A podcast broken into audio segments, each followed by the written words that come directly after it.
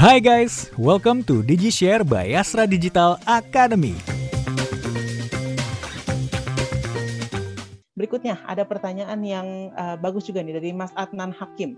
Uh, gimana cara Mas Steven meyakinkan diri dan membangun tim untuk mendirikan super? Karena kan pasti nggak gampang di awalnya. Gitu super nih gitu. ya, uh, saya selalu ngeliat ya semua dalam hidup bisnis juga atau jadi pengusaha nggak ada hal yang gampang gitu awal-awal. Kalau misalkan kita nggak suka uh, ditolak dan yang lain ya maksudnya uh, maksudnya jangan maksudnya ya orang akan di situ-situ aja gitu ya. Menurut saya jadi pengusaha itu perjalanan panjang dari kegagalan dan juga penolakan. Jadi ketika saya sign up untuk menjadi pengusaha itu saya udah ready sama semua ini gitu. Salah satunya uh, building team. Sampai sekarang juga masih susah nggak akan berhenti itu building team dari pertama sampai sekarang. Pertama, masalahnya apa? Masalahnya ya kita nggak punya uang, jadi kan hiringnya banyak kan mungkin uh, fresh grad gitu ya. Dan tentunya uh, motivasi fresh grad itu effortnya sedikit lebih berat dibanding mungkin yang udah berpengalaman. Tapi saya banyak belajar dan banyak dari mereka yang masih bertahan sampai sampai sekarang di super gitu ya. Jadi sering berjalannya waktu uh, juga belajar.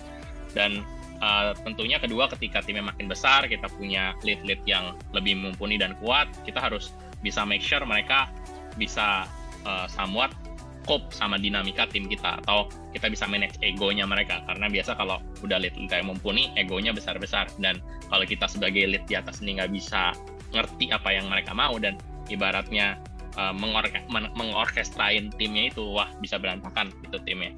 Jadi kalau saya lihat uh, gimana caranya kita jadi orkestra yang baik lah untuk uh, tim itu yang mungkin uh, kita apa sering jalan saya sering ngomong ke kepala-kepala divisinya. Hmm. lalu uh, mungkin ketika yang pertama cara ngebangunnya gimana? Kalau kalau saya ngomong tergantung produknya apa. Karena produk kita produk pedesaan ya kita harus di pedesaan nggak bisa buat tim di Jakarta. Waktu itu makanya tim kita nggak ada yang di Jakarta. Jakarta tim kita sekarang tim kita total full timers ada 280 yang di Jakarta cuma 10 paling. Itu juga cuma BD dan yang lain gitu ya. Banyak kan di daerah Jawa Timur sama Sulawesi. Kenapa ya? Kalau kita mau bangun produk tersebut kita harus lahir dari salah satu masyarakat tersebut. Baru produknya bisa jadi bagus dan addressing to the problem. Kalau kita buat keputusan dari pencakar langit dari gedung-gedung pencakar langit di Jakarta untuk masyarakat di Indonesia Indonesia Timur pasti ada blind blind spot. Yes. Ya pasti akan ada blind spot. Nah itu yang kita dari pertama udah uh, make sure jadi tim harus dibuat dari uh, daerahnya mereka lebih menjiwai gitu produknya. Mereka ngerasain ini problem saya keluarga-keluarga gua nih, ini problem saya nenek-nenek gua nih, tante gua dan yang lain. Jadi mereka hmm. lebih mendarah daging gitu loh. Nah itu kita ngebuatnya dari situ sehingga mereka benar-benar mencintai dan sangat apa bangga gitu ya kerja di tempat kita gitu. Nah itu pertama yang kita uh, trying to address along the time when the company grow kita double down cukup banyak di HR bangun tim itu susah di mana uh, si ini harus jadi penjembatan bisa articulate visi misinya saya sebagai CEO sampai ke tim yang di paling bawah dan juga gimana cara kita bisa represent ke luar. Jadi inside and outside to make a great company. Maksudnya kita harus tahu kita harus bisa artikulasi apa yang kita pengenin dan apa yang kita pengen bangun communications lah terutama gitu. Dan tentunya kita uh, apa sangat menghargai diversity itu salah satu value kita. Di mana kalau di kantor super agak unik. Jadi saya buat culture-nya uh, kalau saya dari orang Jakarta ngomong kan gua lo ya ada dibalas ketemu orang Surabaya ngomongnya kan beda lagi tuh slangnya. Tapi seenggaknya kita berdua masih ngerti kan ngomongnya sambil apa paling ada slang-slang aku kamu yang beda ke, ke Makassar ke Sulawesi Selatan beda lagi. Nah kita ngomong pakai bahasa masing-masing ini dan saling ya belajar lah culture. Jadi saling mencintai satu sama lain bahwa ya Indonesia bukan orang Jakarta atau Jawa aja juga ada Sulawesi dan yang lainnya. Dan itu yang kita keep jadi unik gitu. Jadi mereka juga cukup apa ya cukup senang dan uh, mudah-mudahan memorable lah kalau misalnya udah masuk ke tempat kita. Kira-kira gitu mbak.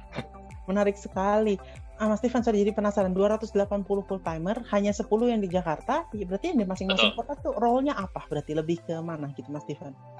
Ya kita divisi yang paling besar tentunya teknologi ya IT nah IT ini eh, kita ada di banyakkan Jawa Timur juga ada di Yogyakarta uh, tapi kalau core operationalnya juga yang paling gede tim supply chain kita ya itu yang ngurusin gimana caranya barangnya sampai tepat waktu, gimana barangnya sampai tepat waktu dengan harga yang paling efisien dan yang lainnya. Itu uh, apa banyak kan di kota-kota di mana kita beroperasi yaitu Jawa Timur dan juga ada di Sulawesi Selatan. Kira-kira gitu sih. Uh. oke. Oke paham. Baik Mas berikutnya ada pertanyaan dari Mas Anton. Apa ada keadaan di mana super menjadi kompetitor dari produsen lokal? Ya jadi gini kalau kita masuk dalam rantai supply chain produsen jadi rantai supply chain terbagi dari tiga rantai pertama rantai tengah atau middle mile sama rantai terakhir atau last mile kita ngomongnya gitu. Produsen itu deal sama biasanya mungkin traders juga sama mungkin grosir yang agak sedikit lebih besar. Di mana mereka itu terletak banyakkan di daerah kota-kota yang lebih besar, infrastrukturnya lebih lebih lebih mumpuni dan yang lain. Itu bukan target kita, makanya kita nggak pernah ketemu sama mereka. Karena average order value kita dari agen kita itu jauh kecil. Mereka mungkin bisa beli satu kali transaksi 30 juta, 40 juta, kita punya paling 60 dolar, 70 dolar, atau 50 dolar, ratusan ribu lah gitu range ya. Jadi lebih sedikit. Di mana uh, di Indonesia itu kompleks gitu kan ya supply chain-nya. Nah kita nih cuma mau fokus di last mile aja nih. Kalau kita masuk ke daerah rural, pelosok pedesaan, biasanya nggak akan ketemu nih trader-trader ini. Karena trader-trader ini kan butuh truk yang gede-gede tuh ya buat apa masukin barangnya ke warehouse-nya mereka dan yang lain. Truk-truk aja nggak mungkin bisa lewat gitu ke perkampungan. Gimana cara mereka mendistribusikan ke kampung itu? Justru saya ngelihatnya sama produsen lokal kita ini complementary uh, untuk mereka. Kenapa? Karena mereka biasanya di first mile sama middle mile-nya udah oke okay nih. Tapi kalau udah masuk ke last mile biasanya agak nggak ketep ya kita bisa lihat aja harga-harga lebih mahal kalau beli aqua ya misalkan kita ke daerah timur itu kadang-kadang bisa 30% sampai 40% ya lebih mahal apalagi ke, lebih timur lagi gitu kan nah ini kan kalau ada perbedaan harga itu kan pasti ada sesuatu yang perlu dioptimize dari supply chain itu. Nah, itu yang kita step in di situ untuk membantu end consumer ini untuk dapat harga-harga yang lebih terjangkau. Kira-kira gitu, Mbak. Oke, oke. Terima kasih Mas Steven. Ini ada pertanyaan lagi dari Juan Felix. Selamat siang Mas Steven, saya mau tanya bagaimana super manage bahan pangan yang memiliki luar secepat bila mana semua barang-barang supplier dibeli oleh super dan dijual kembali ke reseller? Rata-rata sih kita consignment ya sekarang kalau barang lalu uh, kita juga pilih SKU-nya makanya kita nggak fokus di perishable stock atau produk yang cepat kadaluarsa. Kenapa? Karena gini, kalau kita ngambil fresh product lah, uh, mungkin itu salah satu contoh yang gampang kadaluarsa ya. Satu, dua hari, tiga hari nggak dijual udah pasti jadi bad stock. Uh, kita nggak mau sekarang fokus di situ dulu karena bisnis kita kita mau fokusin di economy of scale dulu, di mana kita pilih produk yang buat tim kita itu nggak ribet gitu nanganinnya. Jadi kita bisa berkembang lebih cepat. Kalau nggak kan ngurusin produk yang rusak dan yang lain itu kan nambahin hassle kan ke timnya untuk bergerak ke depannya untuk mengembangkan bisnisnya bukannya kita nggak percaya sama fresh product sih tapi managingnya awal-awal susah banget. Kita hidup di tropical weather ya di udara tropis panas gitu. Nah banyak pastinya wastage dari principal masuk ke warehouse kita. Jadi yang tadi kuantitinya 100% pasti ada yang menyusut. Ada either kena panas lah dan yang lain. Begitu juga ada tempat kita sampai ke rumah agen. Nanti menyusut lagi dan terus bagusnya saya ngeliat buah melon atau ngeliat buah apel sama uh, agen kan pasti beda gitu kan. Nah pasti ada yang ditolak. Nah itu kita untuk mereduksi adanya produk pengembalian kalau kita ngomongnya di super. Kita fokus sama produk-produk FMCG yang punya expiry date lebih lama. Kira-kira gitu sih sekarang Oke, baik. Terima kasih. Mas, ada satu pertanyaan lagi nih. Uh, kalau uh, pertanyaan terakhir nih, kalau misalnya dari Bapak Ibu apa -apa. Yang, mau nonton, eh, mau nonton lagi, mau nanya silakan langsung aja. Tapi setelah ini saya masih ada pertanyaan Mas. Oke, okay. nih dari okay. uh, ya dari Mas Syah Kimiki Ngoman. Oke, okay. uh, tadi uh, dia bertanya apa Mas Syah Kimiki Ngoman ini lebih bertanya ke harga bisa jadi lebih murah ya dengan super ini gitu di daerah-daerah terutama makin ke timur makin mahal gitu. Nah, bagaimana dengan tantangan konektivitas untuk agen-agen yang ada di rural area itu, Mas? Konektivitas internet ya, maksudnya? Iya. Oke, okay.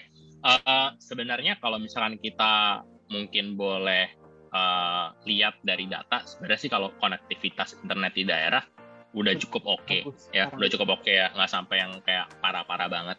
Nah, makanya kita juga datang after community leader, di mana orang-orang ini yang biasa punya kuota sama punya HP yang lebih bagus daripada lingkungannya mereka mhm. sehingga mereka bisa install aplikasi kita juga biasanya kalau mereka internetnya agak-agak kurang itu ya dari providernya mereka bisa uh, beli internet portable tuh yang kecil tuh, biar konektivitasnya lebih lancar dan itu udah cukup affordable sama mereka karena mungkin ada perbedaan nih uh, tahun tahunnya mungkin setelah 2018 sama 1000, uh, sebelum 2018 ya.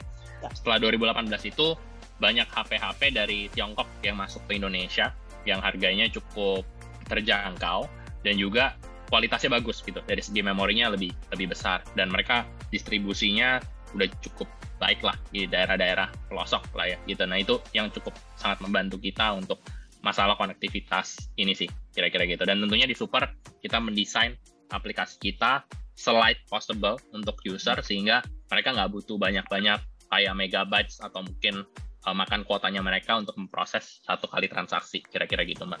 Oke, okay.